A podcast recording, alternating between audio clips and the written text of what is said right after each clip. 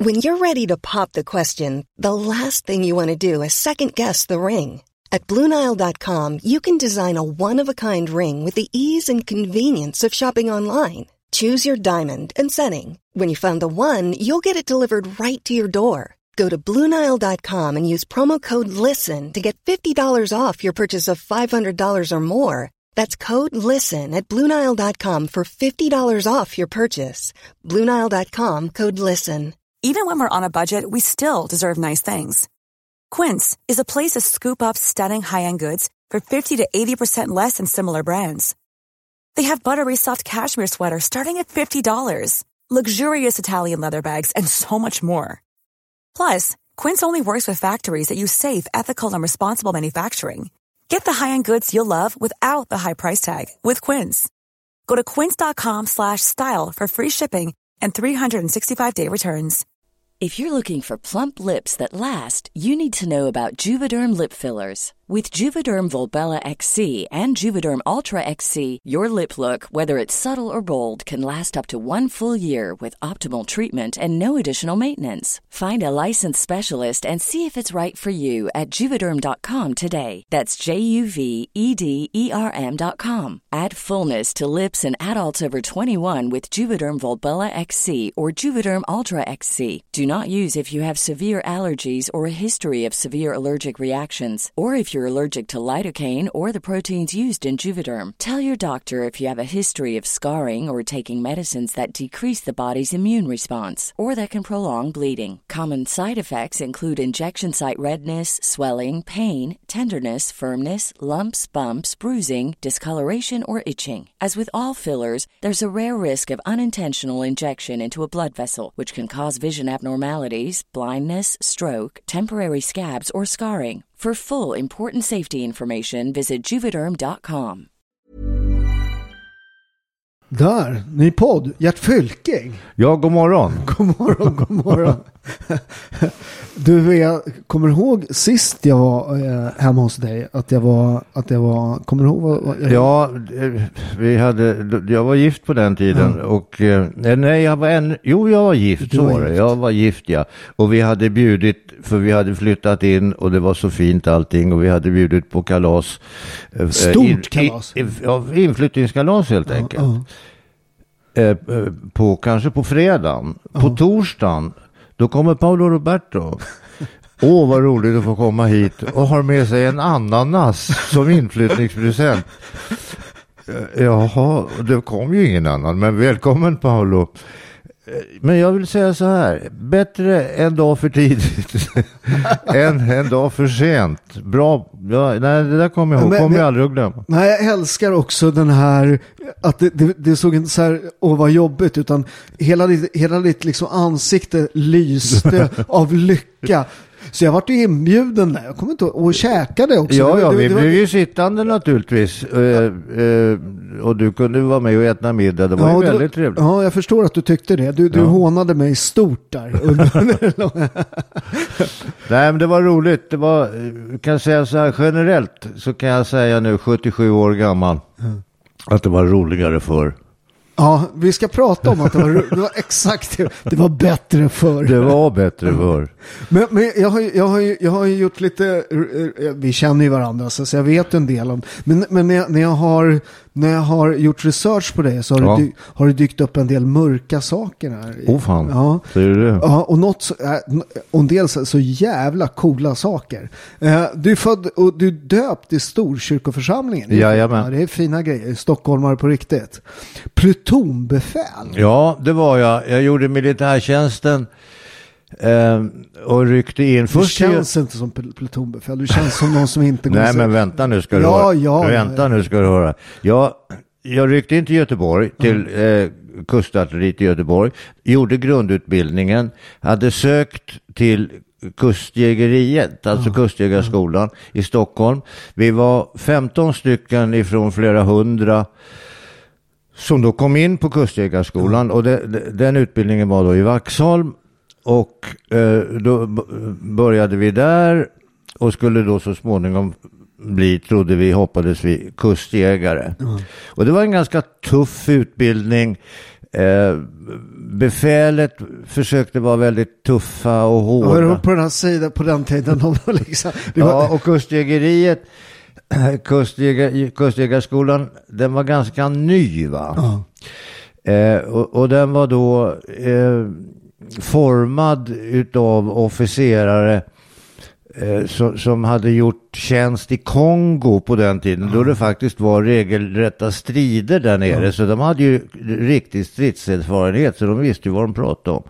Nåväl, det gick bra. Jag blev så småningom tillsammans med, inte alla, men några av de där. Jag tror att vi blev 12 kvar eh, som sen blev, blev kustjägare.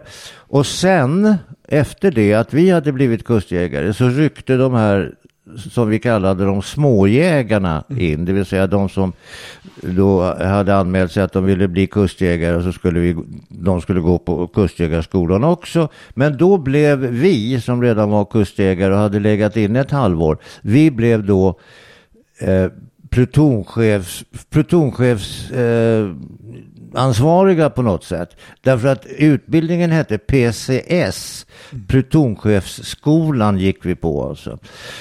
Och det där fortsatte och vi blev eh, indelade på olika plutoner och vi som då var PCS-elever, blev, vi blev följaktligen plutonchefsassistenter kan man säga. Sonen rycker faktiskt in nu som plutonbefäl. Ja, så, men, men det var inte bara det förstår du.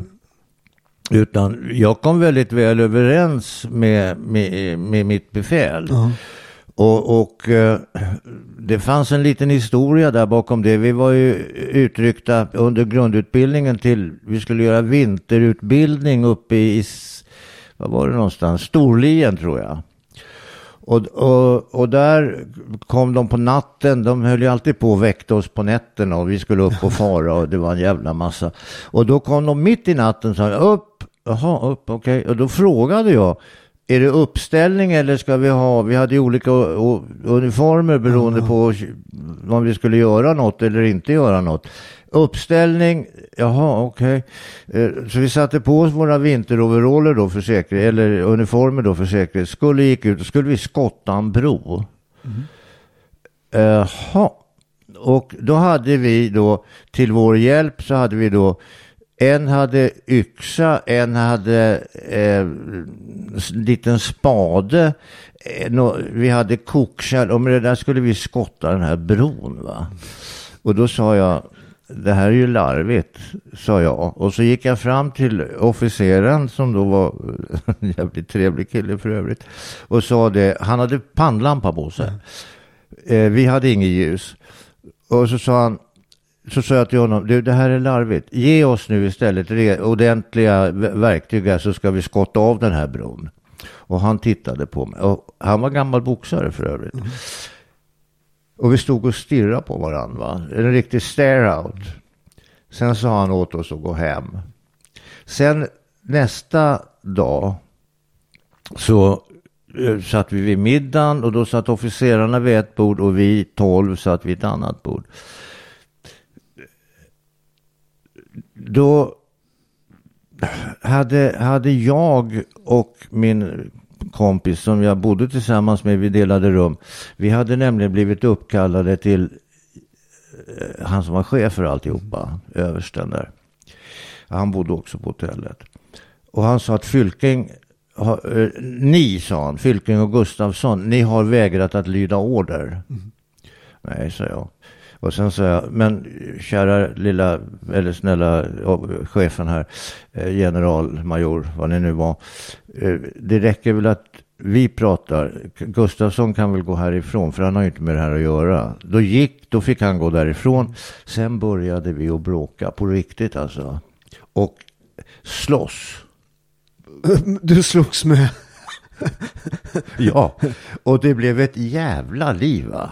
Och Ja, jag- slå befäl är väl, det är väl något. Ja, det blev ju riktigt gatuslagsmål. Va? Och han var större än jag, starkare än jag.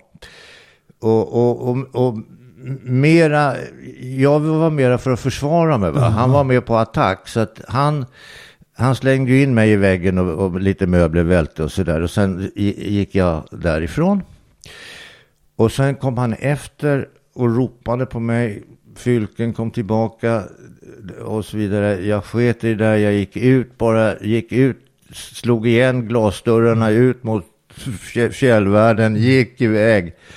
Och han ropade efter mig, jag sket i det där. Jag gick så småningom ner till där, där vi bodde. Sen så sitter vi vid middagen. Då kommer de från receptionen och säger det är telefon, det är sådär lite högt va. Det, det är telefon till, till eh, kadett var jag inte då, men eh, det, det är telefon till värnpliktige Fylking. Det är från tidningen Expressen. Jaha. Okej, jag gick dit, det blev ju tyst i lokalen. Det var ju inte bara vi där, utan det var ju massa civil, civilister där också. Jag gick till, till eh, telefonhytten där. Man hade ju inte mobiler och sånt vid den tiden. Jaha, och då så, så, så den där journalisten säger då, ja, hör du, har, du har tydligen varit i slagsmål här med ditt befäl. Nej, känner jag inte till, så jag. Ingen aning. Vad pratar ni om? Vad är det för uppgifter ni har? Ja, så blev det ju ingen intervju där att prata om alls. Utan jag gick tillbaka och kommer tillbaka och från officersbordet så tittar de ju väldigt noga på mig. där. Jag gör bara ett tummen upp och går och sätter mig. Sen den dagen, sen den dagen var vi absolut bästa vänner. Jag och befälet. Ja, såklart. Och det resulterade så småningom i, när hela den här utbildningen var klar, så ville de att jag just skulle bli kadett och börja på Kungliga Sjökrigsskolan. Precis, men det fick du inte. Det här har jag grävt fram nu varför du inte fick det. Gert, är du beredd att, att prata om det här?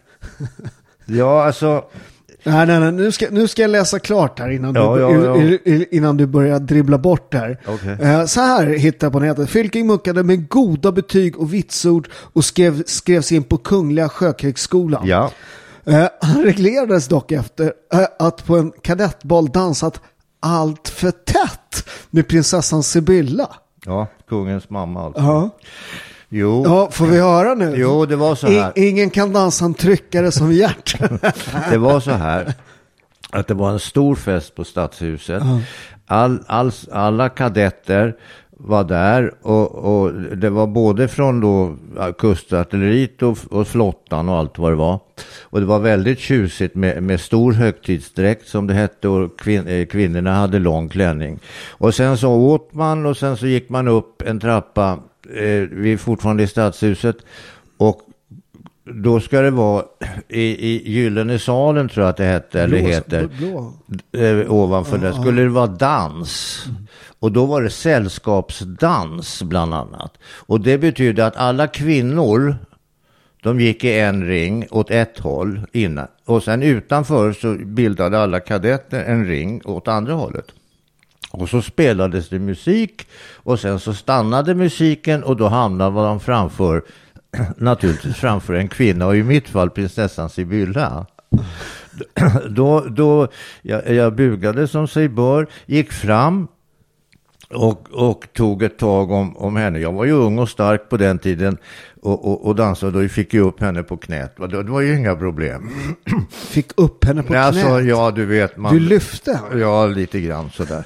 För jag tänkte att oh, det här var ju här trevligt. Och så, och Det tyckte så, inte hon. Vänta, Ja, det är inte ja, klart. Det ja, är inte klart. det är inte väntar, klart. Då så slutar musiken eh, och, och, och man tackar för, för dansen.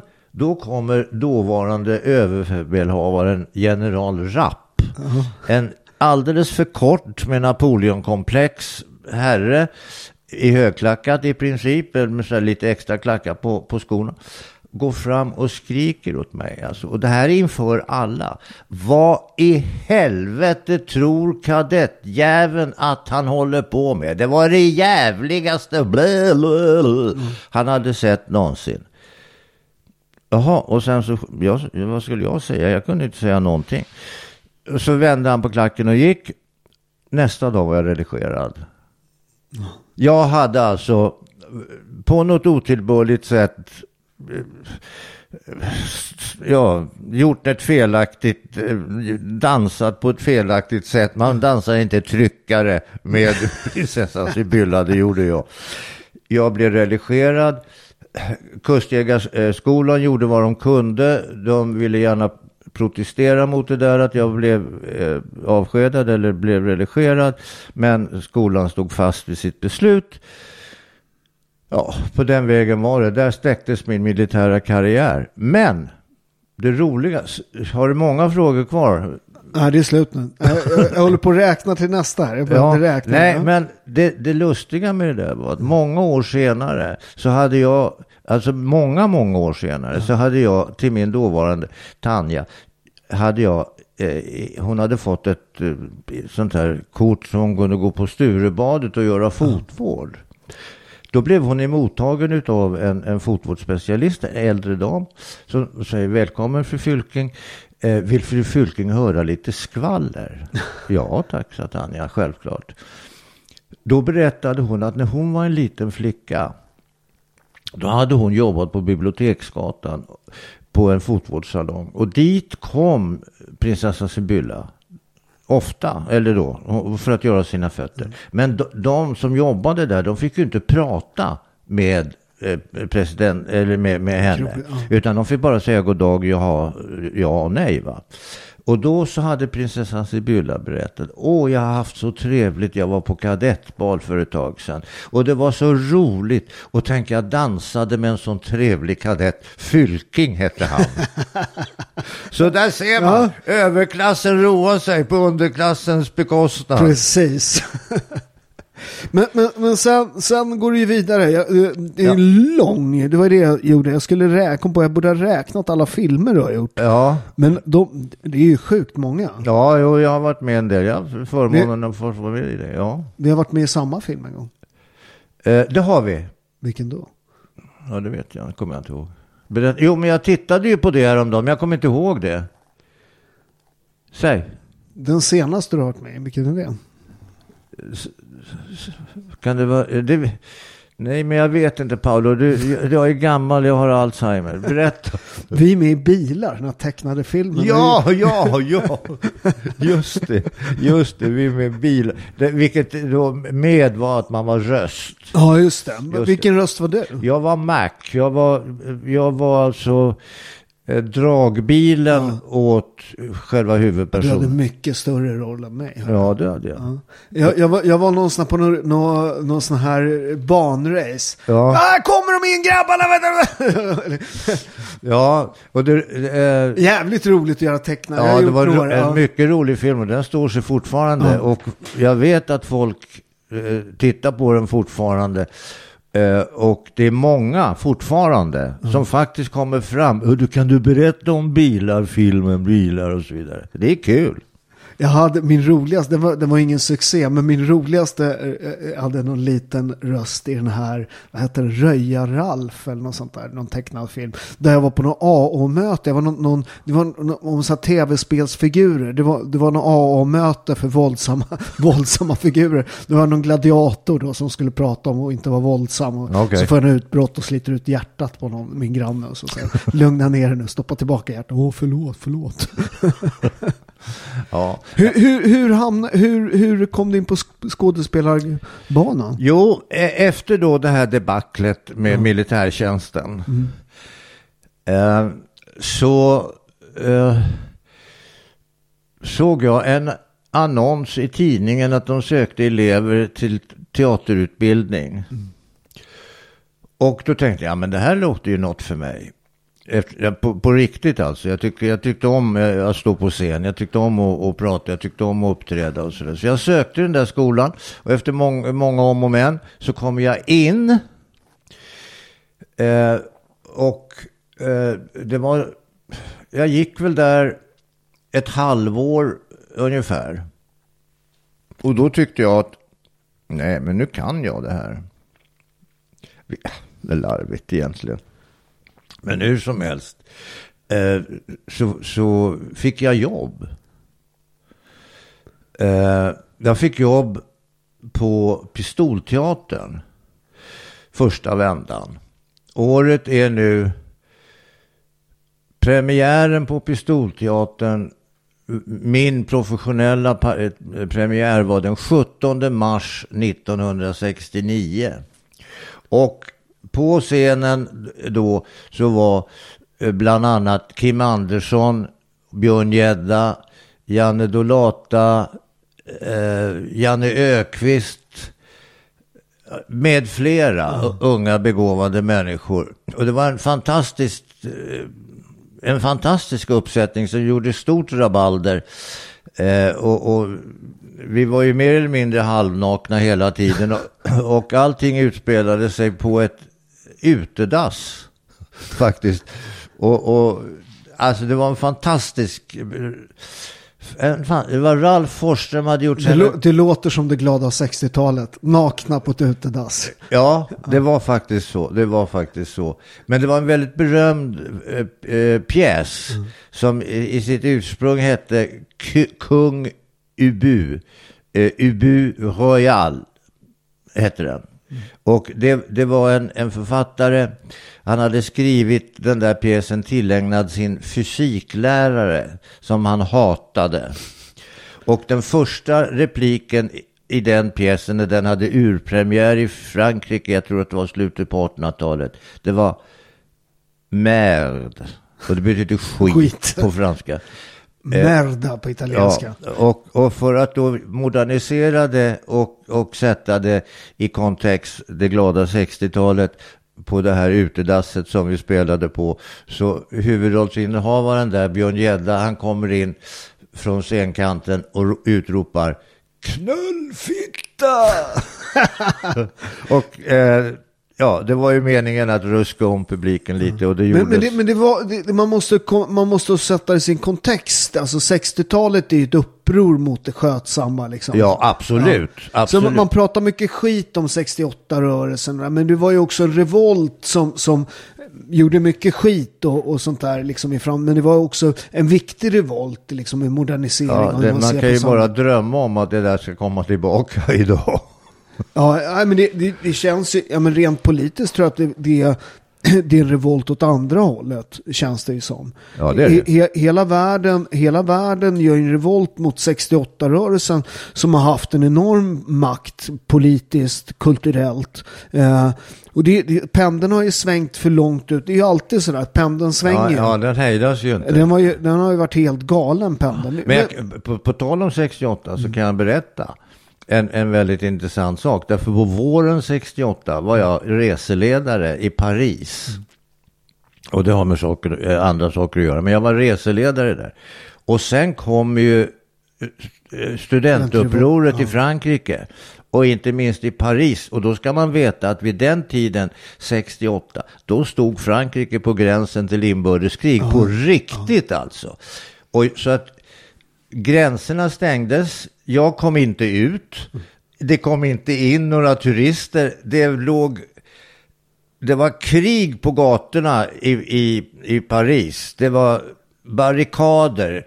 Det var kastades grejer och sten och skit. Det sköts tårgas. Det lades ut gas. Bilar med vattenkanoner kom. Alltså det var ett riktigt, och där var jag. Mitt i alltihopa. Det var helt fantastiskt. och så kom jag hem och så småningom då så kom jag hem. Och då skulle man ju då ha någonting lite konstigt i Sverige då, någon revolt och den så kallade kårhusockupationen. Ja. Och då sa Palme, Anders, då sa Palme som då var... Anders Karlberg. Ja, Karlberg var, var, var med och ledde själva upproret, ja. Han som sen uh, tog, startade upp Fryshuset. Ja, som har varit en viktig person. Ja, ja verkligen. Men då sa Palme som då var han var väl var ecklesiastikminister, skolminister eller också så var han redan statsminister. Jag kommer mm. inte ihåg. Han var skolminister då, först. Ja, då, då sa han, de ockuperade ju då kårhuset ja. va? Ja, sa Palme. De får väl gärna vara där, det är ju deras kåk. ja, hur som helst, eh, 68, 69, början på 70-talet, det var en väldigt omvälvande och som du sa, kulturellt sett alltså så så hade man väl nått stadiet att vi skiter i traditionerna. Va? Vi, vi, vi försöker hitta nya värderingar. Vi försöker hitta, eh, och vi slogs då emot eh, samhälle, vi slogs emot övermakten, vi slogs emot kapitalismen, vi stod ju på barrikaderna. Vi var väl mer eller mindre kommunister på den tiden. Och det där var också, jag vet inte om du har en fråga på det där, men det ledde till att eftersom på den där teaterskolan jag gick hade eh, eh, Mankell, mm. han hade varit lärare på den, teaterlärare på den eh, skolan. Och vi blev jävligt goda kompisar han och jag. Så vi tänkte, ja men det här var ju roligt och, och gud vad vi tycker att det var kul att jobba ihop. Så vi, vi började skriva tillsammans han och jag. Eh, en liten pjäs. Och med den pjäsen åkte vi ut på sommarturné faktiskt och spelade på gatorna. Eh, inte hade, fick ju inga pengar för det, men vi gjorde det ändå. Vi tyckte det var jävligt viktigt och roligt. Det ledde till att vi fick jobb på Riksteatern med den här pjäsen och den här ensemblen och jobbade om det där lite grann. Eh, och åkte runt och spelade för ABF, alltså ja, ABF. Eh, och de hade något stort upptaktsmöte kring jämlikhet och, och, ja, och sådana där saker. Den här pjäsen skulle då vara underlag för diskussioner. Detta i sin tur ledde till att Henning och jag, Björn Gedda, Lena Strömdahl, Sören Hagdahl, några till, startade någonting som ble, eh, var Kopparbergsensemblen.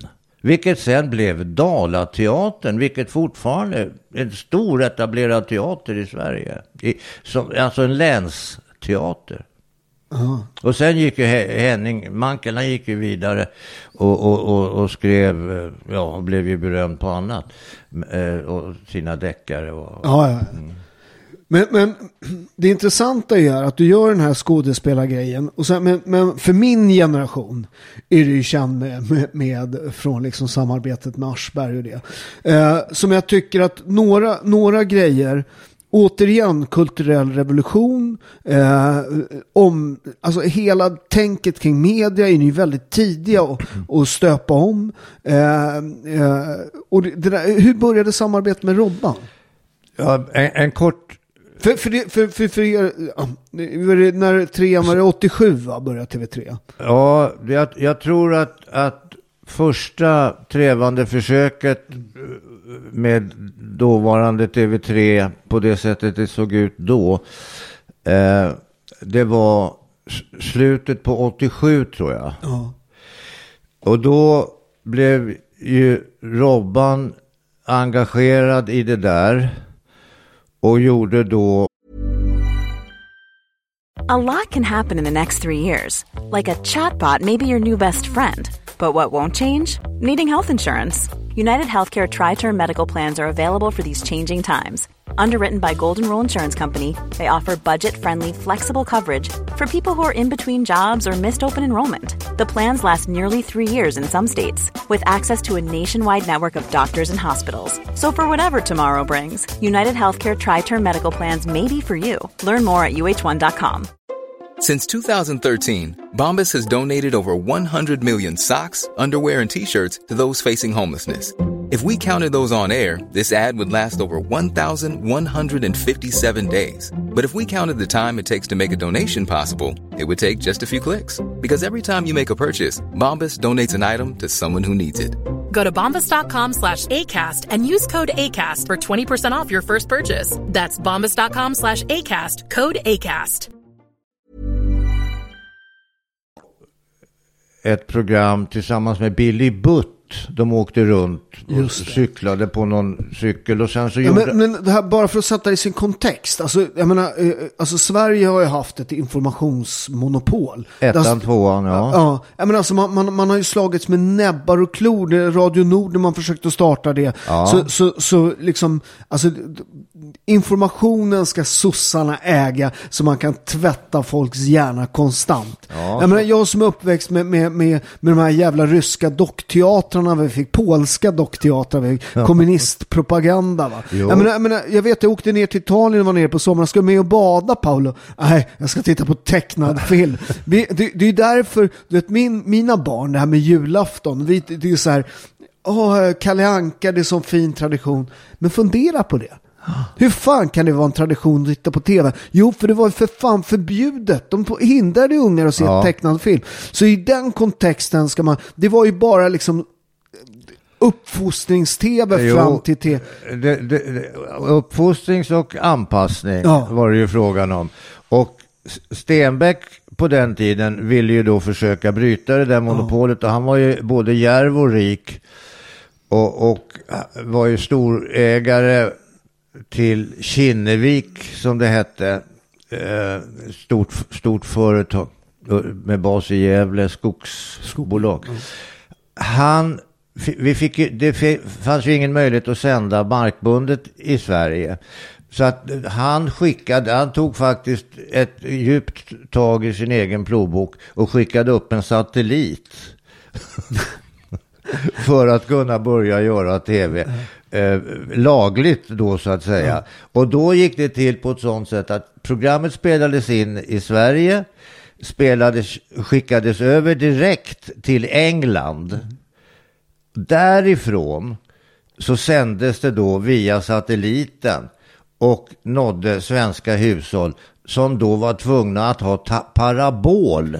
Och, det var, och, det, och tittar man på gamla nyhetsartiklar på det här, det, var- det, var, ju, det var ju liksom, det var, det, det var alltså man tittar på vänstermedier, parabolen, det var liksom det nya, det var världens undergång. Folk skulle få välja själv vad de ville titta på. Herregud, vad ska det sluta i? Ja, exakt. Egna val, det får man inte göra. Det, slutade faktiskt i något rätt roligt och något rätt gott. Men då ska man veta att de här programmen, jag, jag, jag ska säga för att eh, knyta tillbaka till mig.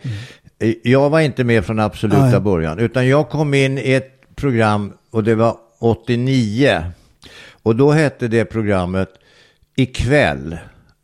Alltså Tonight, eh, kopierat från USA. Ikväll med Robert Aschberg. Och han hade till sin hjälp en, en fantastisk redaktör som hette Hans Hell, Hasse Hell. Och Hasse Hell kände jag eh, genom ett annat sammanhang.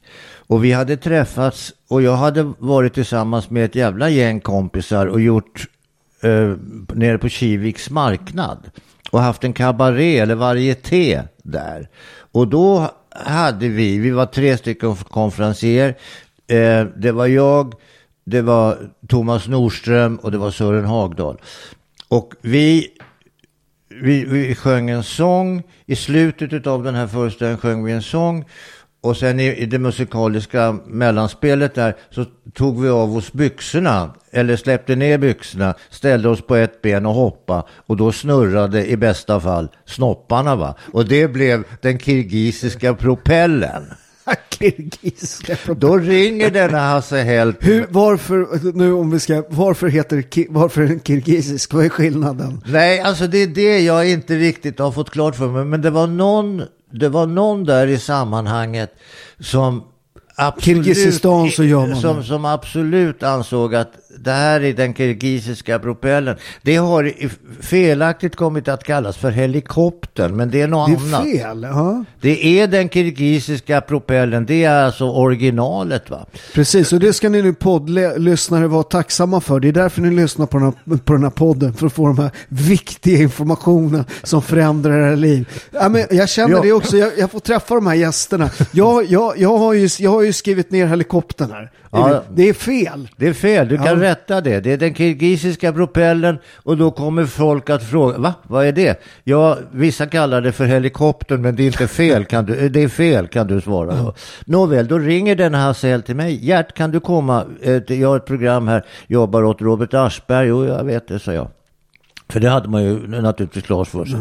Han hade börjat. Och vi ska prata om, vi ska ha ett program som handlar om sex och vi ska prata om porr och erotik och vad som är skillnaden mellan porr och erotik och därför vore det så roligt om du kunde komma hit och eh, gestalta ett litet inslag om du skulle kunna komma hit och göra den kirgisiska propellen.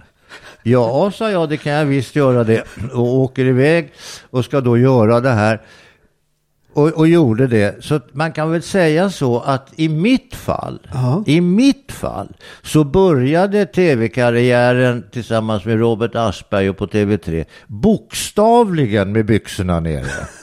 Jag vet att det är många som har fått ta av sig byxorna i sammanhanget, Ja. men i mitt fall så var det bokstavligen inför öppen ridå. Det, och då, och då, då får jag komma med ett erkännande faktiskt. Jag har ju jobbat på Strix också. Ja. Och jag gjorde ju en, en, en dokumentär där när jag gick upp 16 kilo och, och på tre veckor. Eh, Såg ut som en jävla Ja, just det, du åt lite dålig mat. Ja, korrekt observation. Jag gick upp 16 kilo på tre veckor. Det är fan det jobbigaste jag gjort i hela mitt liv. Men sen så gick ju den så jävla bra. Den slog ju en massa tittarrekord där. Så jag fick ju, alltså det var ju tre jobbigaste veckorna i mitt liv liksom. Och, och sen så, eh, eh, jag fick vila i tre dagar vet du. Och så ringde TV3s chef upp mig och sa, du, eh, jag vill att, och det visade sig då att det var en, typ en tragedi de här tittarsiffrorna. För det hade ju slagit allt. Ja, ja. Så han sa, nu vill jag att du gör en dokumentär när du bantar bort de 16 kilo. så, så, så att jag fick vila, vila i tre dagar. Sen gick jag från fettets inferno till bantningskurernas i, i helvete. Men alltså, och, och i den, så då testade vi lite olika roligt. Jag var med. Så att eh, jag har fått en slang i röven live, eller, på, på TV3. Ja, ja, ja, det är inget fel. Vi- Vilket, Nej, det är bara att passa på att njuta. Varför inte? Jo, men vad jag kan säga var att under den där tiden, då, eh, det var fortfarande, Strix var ju produktionsbolaget. Eh, men eh, MTG fanns inte på den tiden. Det startade först senare. Därför att vad man var tvungen, vad vi var tvungna till, eh, det var ju att få folk att skaffa per paraboler. Vi hade ju, du vet, en så kallad penetration, det vill säga an- antalet möjliga tittare. Alltså det var ju 40, pro- 40 procent. Jag kommer ihåg vi jublade när vi nådde möjlig penetration på 50 procent. Alltså när, när 50 procent av befolkningen, tv-befolkningen kunde titta på, på det här. Så att vi var ju under, vi var ju liksom tvungna och tvungna, tyckte det var roligt också, göra saker som, som folk sen kom att prata om som gjorde att det fanns en, en anledning för dem att köpa dessa eh, paraboler. Och det var ju då, då kom ju andra, jag kommer ihåg en som gjorde stor lycka, det var ju Pruttomanen till exempel. Mr. Hur hittar ni honom? Han kunde prutta låtar va? Ja, nej, han, han var pruttoman och det är ett gammalt fint varietéyrke faktiskt, Ja, pruttoman. Han, han la sig i en speciell ställning, sög in luft bakifrån, rektalt alltså, och kunde då, hade han räknat ut eller fått hjälp med att räkna ut, ta en kubikfot Alltså det är ungefär 25 gånger 25, 30 gånger 30 centimeter, jag vet inte exakt. Med luft va, som han då kunde härbärgera. Sen kunde han genom att trycka ut det där så kunde han också eh, manipulera ringmuskeln så att han kunde alltså spela inom citationstecken låtar. Han var ju helt fantastisk. Väldigt trevlig kille för övrigt. Fick... Tänk, tänk, tänk TV3 vad man fick lära Men det, det var ju det här som var, tänk den, alltså det, den, för att det, det var ju det som var revolutionära här med det här. Att med den här jävla statliga uppfostringstemen som vi hade innan liksom. Så kom något som bara var så här helt tvärtom. Eh, och, och, och ni var ju så superkontroversiella liksom. Ja, det var vi. Det var vi och det var ju Det var- på var- sitt sätt, det var ju på sitt sätt också väldigt, eh, både, det var ju uppfriskande naturligtvis, men folk fick ju också lära sig saker, det vill säga andra saker. Så att, och det blev ju, förlåt, det blev ju en jäkla debatt alltså också kring det här. Och det, det var ju första sidestoff och det var ju löpsidelstoff, löpsedelstoff. Och, och på den tiden så hade man ju massa lister och det var ju eh, topppersoner eh, man placerade in på de här listorna och betydelsefulla människor. Alltså, vi toppade ju, vi, jag var med ibland, Robban var med ofta, de här listorna eh, varje vecka va. Det var en fantastisk tid. Det där. I mitt fall så pågick ju det här eh, under ja, hela 90-talet sen faktiskt. Och då hade jag ju också förmånen, och, för att Strix drog ju också till sig folk, mm. duktigt folk, dig bland annat. Uh, Uffe Malmros, som, som då var ung och lovande som det heter. Och han är ju filmregissör och manusförfattare idag och har gjort fantastiska tv-serier och enormt dukt, bra filmer och allt möjligt. Uh, Ulf Malmros och också han, han, och jag gjorde otroligt mycket uh, sketcher, var ute på stan och gjorde saker. Och det var han, Uffe Malmros, som sa Gert, när vi skulle ut och göra någonting. Vi blev bara utskickade för att göra någonting. För det skulle ju sändas på kvällen ja, sen va. Ja, vi måste ha, du kan inte gå omkring i, i dina vanliga kläder. Vi måste ha en, en uniform till dig. Så gick här, vi in på, här kommer han. så gick vi in på Myrorna på Götgatan. Och, och Uffe gick och tittade där bland hyllorna och jag och bland galgarna där och tittade. Då kom han fram med en rosa overall. Den här Gert ska du ha. Jaha, så jag drog på mig den rosa overallen. Där föddes den. Och det, det, är en av de, alltså de, om man ska komma ihåg de, de, alltså de, de tv-ögonblick man har suttit som mest klistrade. Några av dem är ju med den här rosa overallen. Min absoluta favorit är ju Lavemangs-SM. Ja, hur kommer man på, jo, hur jo, kommer jo. man på idén? Bakgrunden till detta är Gunde Svan. Just det. Gunde Svan hade nämligen skrivit en bok om sig själv. Och att sin... han skett ner sig under... Nej, det var, det var en, en, en i, i, han, bokens titel var Var går gränsen? Ja. Men en del i det där var, han åker ett långlopp, alltså tävlar, han var ju ja. en av våra någonsin ever bästa skidåkare. Han vinner, men har ut med vägen skitit ner sig. Ja. Så att han passerar mållinjen och sen fortsätter han bara. Han vill inte stanna av förklarliga skäl, utan han fortsätter bara. Eh, han hade gjort ner sig totalt och de hade ju vita tävlingsdräkter på den tiden. Har de väl fortfarande förresten? Jo, i alla fall. Då, då, jaha, var går gränsen Gundes? Då började jag jobba på det där va. Hur och vad, hur ska man få till det här? Du, alltså jo. utgångsläget var vit dräkt, skita ner sig. Ja, då kom, kom vi fram till vi ska ha SM i lavemang. Det vill säga inte skita ner sig mm. utan hålla sig va. Mm. Bara att... Det här, fin- det, här, ni måste, det här finns på YouTube. Det, ja. det, alltså, det här är hur roligt som helst. Det, ni som inte har sett det. Eller ni ska se om det. Ni som det, det gällde ju då att få tag på deltagare va. Ja. Och det var väl kanske inte så svårt att få tag på deltagare för det finns alltid folk som vill tjäna en tusenlapp. Eh, vilket jag tror arvodet var. Men vill, man vill ju också ha folk som är trovärdiga, inte bara påtända va. Eller idioter och konstiga, utan vanliga Svenne Banan-typer va. Ett år tog det att få tag på dessa under ledning av tyvärr numera avlidne Tom Zacharias, en underbar kompis till mig. Okej, okay, då är då, vi är då tre, fyra tävlande. Vi hyr en avdelning på SÖS som är eh, inte i bruk just nu men som är en sån här eh, magavdelning. Engagerar x antal riktiga sjuksköterskor uh -huh. som är liksom vana och inga konstigheter med att göra det här. Vi går på operabaren eller operakällaren först före och äter en god... En av Stockholms finaste restauranger för er som inte vet. ja, och eh, går där och äter och sen så går vi till sjukhuset och då får Eh. Sen, vad som gör det här väldigt roligt är att det är också ett långt, väldigt allvarligt sportreferat av en kille iförd rosa overall. att, det, att det, du går runt med någon, någon, någon sån här liten perm och liksom, ja, det, det, är väldigt seriöst. Perm och deltagarlister och tidtagarur. Ja, ja. Och jag har för mig att jag även hade en sån här som läkare har med någon, jag kommer inte ihåg, ett, ett, ett band runt huvudet med någon spegel i.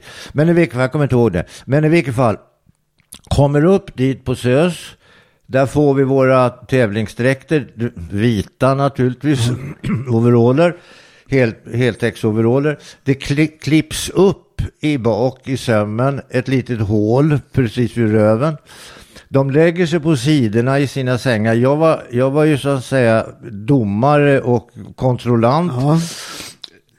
Sjukskö- Sjuksköterskorna, de tar på, på givet tecken och applicerar en slang eh, då de ska få en tarmsköljning, ordentlig sådan.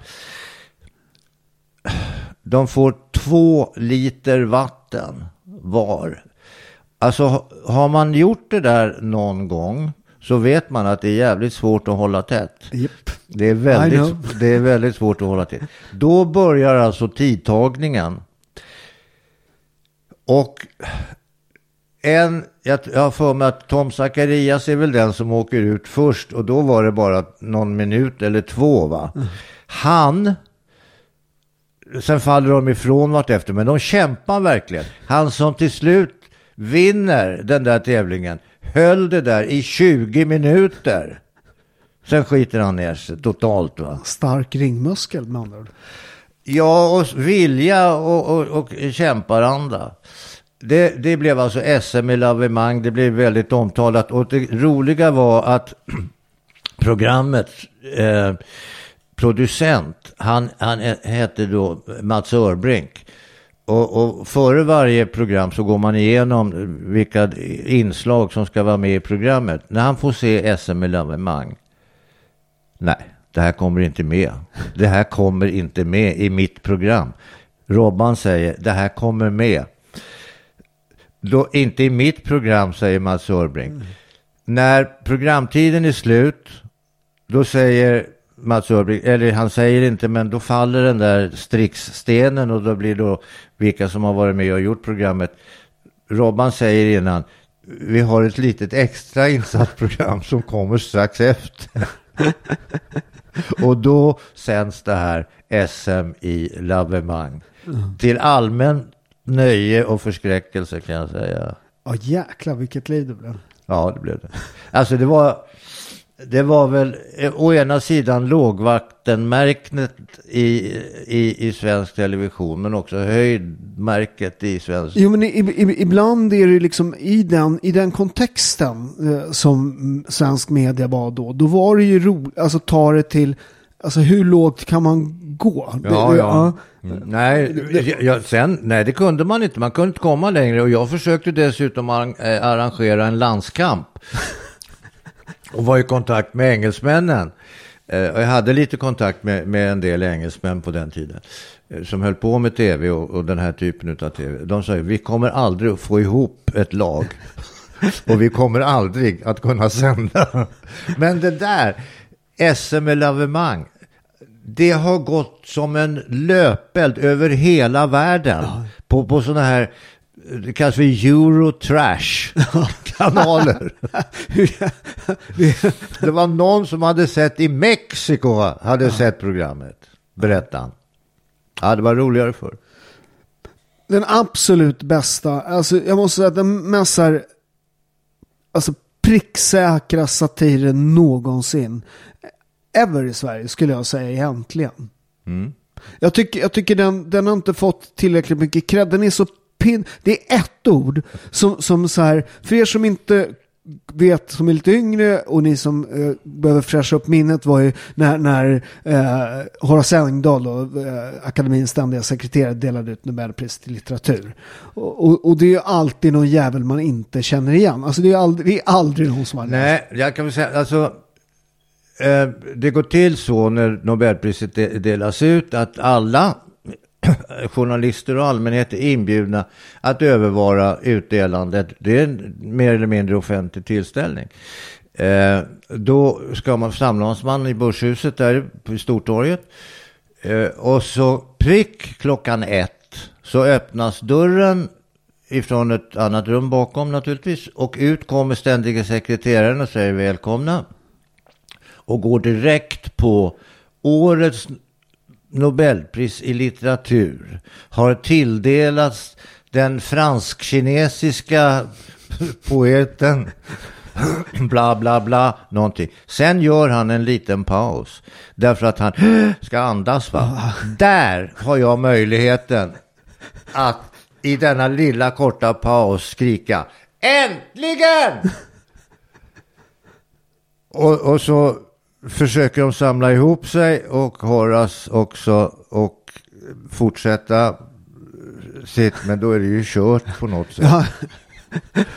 Ja, och, och det där blev ju då eh, också både, alltså folk tyckte det var hemskt att man överhuvudtaget kunde störa den där. Men samtidigt kunde de inte säga att det var fruktansvärt därför att jag hade ju ändå jublat åt pristagaren. va? Precis, du är ju överlycklig. Och, och sen året efter, året efter, så blir jag förbjuden att komma dit. De bjöd inte in, eller de hade satt ut vakter så att jag inte kom in. Och det, det får de ju göra, det är ju deras tillställning. De får väl bjuda in eller avvisa vilka de vill, naturligtvis. Men jag var inte välkommen. Då tänkte jag, nej du jävla Horace, det här ska jag nog sätta P för. Så då nästa år, och jag, man vet alltid när det där är, det är första torsdagen i oktober eller något sånt där som det där inträffar.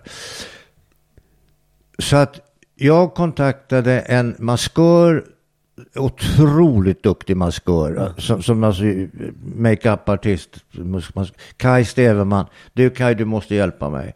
Jag måste jag måste alltså sminkas i okännlighet men jag måste samtidigt kunna vistas bland folk på nära håll. Alltså ett rent filmjobb. Okej, det tog två timmar att lägga det där. Jag, jag fick den där masken, jag fick lite hår, jag fick eh, en, en liten mustasch och ett litet läppskägg. Jag fick en annan näsa och lite sådär. Perfekt gjord för närbilder va. Och så kom jag in, då kom jag ju bara igenom. De känner ju inte igen mig. De känner ju inte, jag såg ut som någon jävla tysk intellektuell eh, bokrecensent. Jag kom ju in, det var inga problem. Och ropade jag mitt äntligen igen va. Horace, han förnekar att jag har varit där. För han hade ju satt ut vakter. Då träffade vi TV4, blev bjudna till TV4, han Horace och jag på morgonen. Ja, god dag och så vidare. Jo, men du var inte där. Jo, det var jag. Jag ber att få återkomma, säger jag. Går iväg med Steve, eh, Steverman, Kaj Steverman. Är borta en timme i sminket där. Han gör ordning mig. Kommer ner. Tjena, Horace, det är jag. Ja, då fick han ju falla till föga. Sen träffades Horace och jag. Och han bjöd på lunch, mycket billig lunch faktiskt. Jag tyckte han kunde ha tagit i lite bättre. Men i alla fall, vi åt paj. Och lite sallad. Är det något för en kar? Nåväl.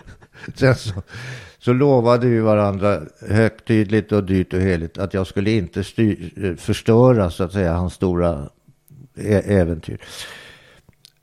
Det var så märkvärdigt. Och han lovade att han skulle komma upp till studion på torsdag morgonen där.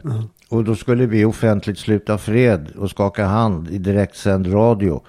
Det är så märkvärdigt så TV4 är där med sin OB-buss, det vill säga de hade möjlighet att sända direkt från platsen. och gör detta. TV, eh, Sveriges Television var där eh, och filmade för att ha till senare sändningar i Rapport. Alltså det var så uppståndelse kring det där äntligen. Ja, och sen så skakade vi hand och så blev vi kompisar på det. Så att egentligen så var det inte så jävla många äntligen som ropade. Nej, nej, det, kände, det känns som det är fel, men det, det var ju att det fick sån stor impact liksom. För, att- för, att, för att det är, det är så, återigen, det är så pricksäkert, för där sitter ju alla vi vanliga hemma. Jag läser ju böcker liksom. Men det, det är inte en chans att det liksom, hur många, det är, det är fyra stycken i Sverige som har läst ofta den här. Liksom. och det visar sig att det är alltid statsministern har också alltid läst de där böckerna av någon konstig anledning. Ja, ja. Men bä- bästa, en, vilken tror jag det bästa, eh, det bästa litteraturpriset någonsin då? Enligt mig. Enligt dig? Enligt mig eller dig? Enligt mig. Ja, för höra. Dario Fo. Ja, det tror jag. Ja, Det förstår jag, din jävla italienare. Nej, Dario Fo Absolut. absolut. Fan, jag, han, han, han var ju, han, han, gör ju, han har ju byggt om den här italienska medeltida teaterformen. Ja, gjort. Commedia dell'arte. Ja, det har han gjort. Och jag, jag var och såg honom. Han, var, han, han blev intervjuad på Dramaten på scenen. Mm. Alltså den, om det var över en timme. Alltså jag, jag tror jag aldrig har skrattat så mycket. Han, gjorde, han ställde sig upp och gjorde de här teatergrejerna. Och- och, och, och jag bara säger, Bergman var där. Ja, ja. Den pissmyran. Vet du vad han gjorde? Nej. Ja, men halva bara resan så gick. Ja, jo men det, är ju, det, det, det var ju ett tungviktsmöte på något sätt. Ja. Man måste ju den ena gå. Men, men eh, en utav, vi ska jag väl säga då, Pistolteatern. Och framförallt Björn Granat, tyvärr numera avliden skådespelare.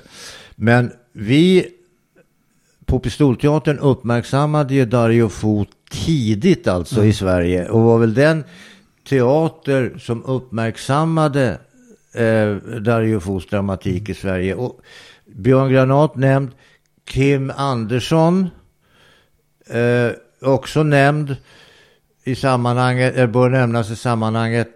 Alltså, vi var ju mycket draghjälp för det där eh, priset. Och jag har för mig att Dario Fo bjöd in Björn Granat till eh, eh, den här tillställningen sen, Nobeltillställningen. Ja, men det, han var där. eh, Och det var väl hans fru som översatte. Ja, Eh, Hon pratar italienska. Eh, Vad jag vill komma Nej, det var, det var, det var både överraskande men väldigt glädjande överraskande. Jag kan helt hålla med dig. Därför att han var i sammanhanget en litterär outsider. Va? Och han hade ju hållit sen 60-talet. Han hade ju hållit en linje från 60-talet i, sin, i sitt skaldarskap och i sin diktning och i sitt skrivande. Så att han var ju unik på det sättet. Och han, han var ju en utav få eh, litterära höjdare som faktiskt riskerade, om jag får använda det uttrycket, riskerade sin, sitt skrivande genom att låta folk framföra det på scen. Det vill säga att han skrev dramatik. Och det är också rätt modigt att göra det. Att, att, ja, nu har jag skrivit en bok här, men det, det är också repliker i den här boken som man kan sätta ihop i en föreställning på en scen. Och det var ju hans stor, Ja, storhet. det, är ju det, det är en av de mest underhållande timmar jag har Ja, upplevt. det kan jag förstå. Jag var tyvärr inte där. Nej, Nej, men det kan jag förstå. Och han var också en vattendelare där i UFO. Alltså etablissemanget och de här, du nämnde Ingmar Bergman och, och, och, och, andra som, som gick i hans fotspår, de gillar ju inte det där va. Det var ju för lättvindigt. Det här är ju en folk, alltså Commedia dell'arte är ju en folklig, det är ju pruttar och det är liksom, du vet. Det är en, en sak som jag älskar i Commedia dell'arte, det, det, det händer grejer, sen så när det händer något så kan ibland hela ensemblen så synkroniserat hoppa. Det ger någon så helt sjuk liksom känsla. Och jag älskar också eh, eh, Puccinella. Det är ju liksom symbolen för Neapel eh, i den här komedien. Han har ju den här långa näsan. Ja, ja där jag ska säga det för er som inte vet, Komedie- Kom- Commedia dell'arte, där är de ju också, har ju masker, Ja. groteska ma- masker och speciella, eh, nästan, eh, nästan som, som den vita clownen, kostymer, eh, den vita clownen i, i Ja. Arlecchino känner ju folk igen. Ja. Han med lapparna på, Ja. på. Så att det är ofta en, liksom en, en strid mellan de fattiga och överheten och sånt där. Och, och jag gillar, jag gillar just eh, Puccinella. Han är ju väldigt symbol för det napolitanska. Han är god men lite skurkaktig. Han har alltid ihop det med pantalon. Han, Ja, ja, vågar, han, vågar man överhuvudtaget åka till Neapel idag? Du, jag brukar säga det folk som säger sådär att, att eh, Stockholm är inte så mycket bättre längre. Vi väl, Nej, vi, fy fan vi, alltså. Fan, de skjuter mer folk här än något annat jämförbart. Ja, jag tror det. Det är hemskt. Det är fruktansvärt. Det är fruktansvärt. Det, det, det är faktiskt eh, du som har jobbat inom media så länge. Alltså det här att vi så länge blundade för de stora problemen som fanns i Sverige. Ingen vågade ta upp det. Liksom. Vad tror du det beror på? Ja, jag, jag, alltså, jag vet inte. Jag vet inte vad det beror på. Men jag tror att det beror på kärringarna. Faktiskt. Och då menar jag både med kjol och byxor. Därför att när man helt plötsligt, den, den, vi har ju alltid haft problem med invandring. Visst, vi har haft väldigt stor och god nytta av invandringen alla tider. Det har kommit hit folk och lärt oss saker. Det har kommit hit folk eh, redan på 1500-talet så kom de ju upp och lärde oss hur vi skulle hålla, hantera malmen och så vidare. Sen har vi haft stora, duktiga eh, industrimagnater. De har byggt stora industrier i Sverige till vilket det behövts en jävla massa folk. Va? Och efter andra världskriget så stod ju hela Europa stilla. Det var ju sönderbombat. Det var ju bara Sverige man kunde åka till. För där rullade ju fabrikerna något så in i helvete. Det kom upp mycket greker. Det kom upp mycket italienare. Eh, som, som, som, skulle arbeta på de här industrierna. Både i Stockholm, utanför Stockholm. Gustavsberg, eh, eh, keramikfabriken. Oh. Sen var det i Västerås och överallt. Ja. Och det kom stora, stora mängder folk. Men de hade jobb. De fick jobb och de var intresserade av att jobba. Mm. Därför att det var deras enda möjlighet att klara sig och få, få, få med sig familjen men också hjälpa familjen i det krigshärjade Europa. Så att de inom citationstecken då skötte sig. Sen kommer jugoslaverna efter, efter kriget. ja, de kan man säga vad man vill om. Och det vill jag inte, för då har jag råkat illa ut förut när jag har bruttat dem. Nej men det fanns men där juggarna jobbade ju också hårt. Men det fanns det ju ett, en, en, en del med juggemaffian som kom med. Jo, det är det jag menar va. Och, och visst, absolut, stora flertalet av människor, de vill ju bara en sak. Jobba, få ja. sin lön, sköta sig, gå hem till fru och barn, ha det trevligt. Det är det folk vill va. Sen finns det ju ett, ett på toppen där så finns det ju ett avskum. Men, men alla de här grupperna fram till eh, sent 2000-tal, det var ju människor som kom hit för att de ville jobba. De hade ett helvete där hemma. Så kom de hit för att jobba. Sen så så upptäckte man runt om i de så kallade fattiga länderna. Ja men Sverige kan man åka till, där är allting gratis, där får man allting eh, vad man vill och så får man knulla dessutom. Så de kom ju hit i mängder på 2015, 2016. Och de tas emot på centralen av alla dessa vänsterfolk och miljöpartister och annat drägg. Och åh vad välkomna. Men Absolut, ni är välkomna. Men för fan, vi kan inte ta emot folk som inte har någonstans att bo. Vi kan inte ta emot folk som inte har någon möjlighet att försörja sig. Jag, jag var ju för fan på löpsedeln. Nej, jag, jag sa, eh, eh, jag bara, det är klart vi ska släppa in folk, men vi måste ha en plan. Det var ju löpsedel. du vet, alltså, det, alltså ja, 2015, 16. Det där, och det där, det, tyvärr tror jag genomsyrade och genomsyrar fortfarande mycket av svensk politik. Konsekvenstänk. Mm. Alltså, aha, och sen då? man vi... stänger ner kärnkraftverk. Det är också så här helt sinnessjukt. Och sen så bråkar man idag om vem som gjorde det här. Eh, eh, alltså i vilken masspsykos bland politiker stänger man av någonting, världens bästa energisystem och har ingenting att ersätta det med. Det är ju helt sinnessjukt. Det är därför att vi har inte konsekvenstänket och sen, jag tror att det var 1976, jag tror att det var det då, det året, då tar Palme bort det här tjänstemannaansvaret. Ingen är ansvarig. Ingen är ansvarig. För Palme kom väl på det, eftersom Socialdemokraterna var ju stora då, de satt ju överallt, att herregud, Palme var ju en smart människa, men han visste ju vilka jävla sophögar socialdemokrattoppen mm. bestod av och, som jobbade inom departement och inom, inom förvaltningar allt vad det var. Alltså det var ju bara sopsäckar va. De här människorna, om de ställs till ansvar så kommer de bli fällda allihop. Så vi måste ta bort tjänstemannaansvaret. Och där är vi nu. Inget tjänstemannaansvar och ingen plan B. Alltså det går inte. Det går inte. Sverige har sjunkit i alla områden, inom alla områden. All, allt. Och, och, och, säger man det så är man ju högerfascist. Va? Och, det är liksom så här, är, och, och, och, när det finns alltså, siffror på det. Det finns ju siffror på det. Ja, men, Sjukvåld. Ja, men de ska, de är inte, de är inte, det beror inte på, på, på, det beror på oss andra, Ja, tyvärr tyvärr ja. Men du, jag säger att det var bättre förr och så, haha, det, vi har fått sjukvård, vi har fått bostäder, vi har fått arbete. Vi har fått, jo, det har vi fått. Fine.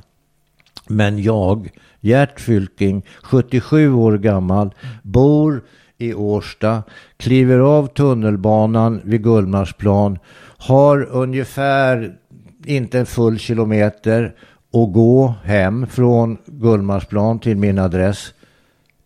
Jag är orolig. Jag tycker inte om att göra det.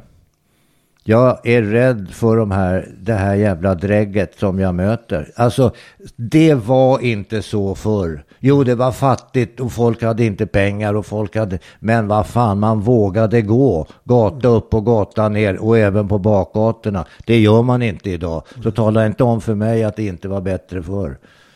Nej, det, och det, och det, alltså, det, Alltså jag blir så förbannad. Ska jag, 77 år gammal, inte våga gå sent en natt ifrån Gullmarsplan upp till mitt bostadsområde? Vad fan är det frågan om? Precis, och, och folk, folk också som, som gnäller över det där. Att ja, här hit och dit så här. Lyssna, ni, det är ni som har röstat fram de här politikerna. Det är ni som inte vågat säga vad ni tycker. Det är ni som har accepterat det där, som inte har sagt till i, i fikarummet när folk sitter, ja men vi kan släppa in hur mycket folk som helst. Du, ni inte offer. Ni är medbrottslingar. Ja, så är det. Och det, det är liksom skäms på er. Ja. Eh, Ja, det- jag, mm. Nej, jag, jag håller helt med dig där vid lag. Och jag, jag, jag bara ser och, och hör mig själv säga till Figaro, min numera 16-åriga pojke. Du, när han skulle gå från Gullmarsplan och hit. Se till att du går tillsammans med någon. Du behöver inte prata, men bara att du går i närheten av någon annan. Så att om något skit händer att du, och de ser att ja, men han går ju med den där mannen eller den där kvinnan. Då är det lite knepigare. Alltså, hur fan ska det vara? Ska det vara på det viset? Nej, så ska det inte vara. Jag ska inte behöva varna honom för att han ska gå säkert hem. Bara för klockan är ett på kvällen. Men sjukdom, alltså, eh, sjukdomsinsikten, mm, i alla fall bland vänstern, är rätt eh, obefintlig. Liksom. Att, man, att man på jävligt kort tid har jag menar, ett av världens rikaste, världens säkraste länder. Jag menar, om du tittar till exempel i, i, om man tittar, Sverige har ju en oavbruten ekonomisk utveckling i hundra år. Fram till liksom Nu, nu läste jag precis att eh, BNP som det heter eh, är lägre i år än förväntat. Ja.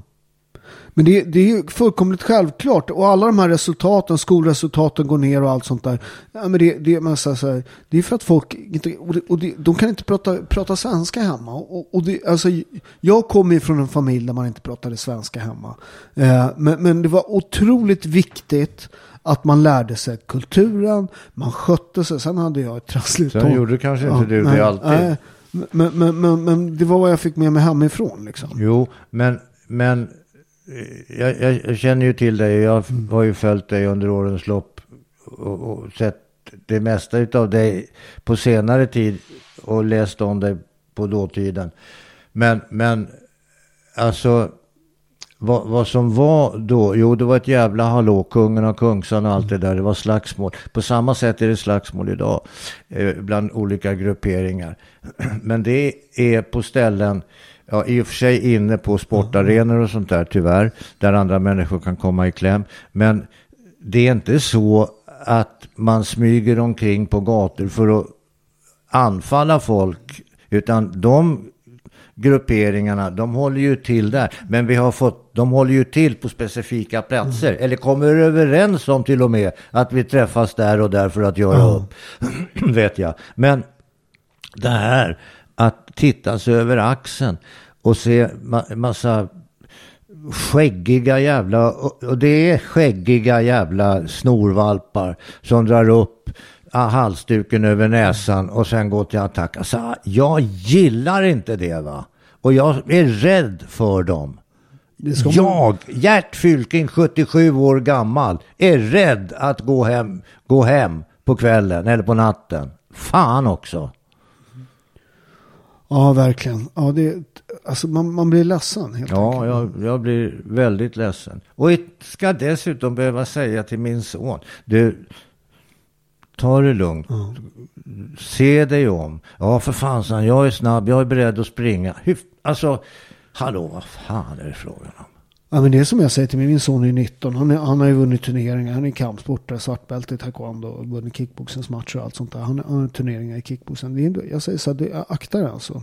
Var, var vaken alltså. De är beväpnade de här. Det är skitsamma om du kan slåss. Ja, ja, det gör detsamma om du får slag i bakhuvudet så är du ju desarmerad. Ja, tyvärr. Tyvärr. Vi, vi, vi, vi slutar i, i moll. Ja, men ändå, nej, inte bara Nej. Paolo, därför att eh, vi, samtalet kanske slutar i moll.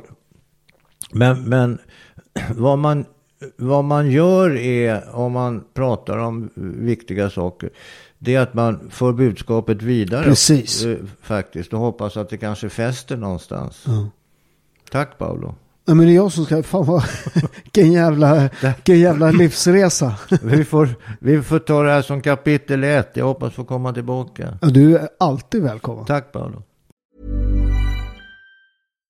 Hi, I'm Daniel, founder of Pretty Litter. Cats and cat owners deserve better than any old fashioned litter. That's why I teamed up with scientists and veterinarians to create Pretty Litter. Its innovative crystal formula has superior odor control and weighs up to 80% less than clay litter. Pretty Litter even monitors health by changing colors to help detect early signs of potential illness. It's the world's smartest kitty litter. Go to prettylitter.com and use code ACAST for 20% off your first order and a free cat toy. Terms and conditions apply. See site for details. Planning for your next trip? Elevate your travel style with Quince. Quince has all the jet setting essentials you'll want for your next getaway, like European linen, premium luggage options, buttery soft Italian leather bags, and so much more. And is all priced at 50 to 80% less than similar brands. Plus, Quince only works with factories that use safe and ethical manufacturing practices.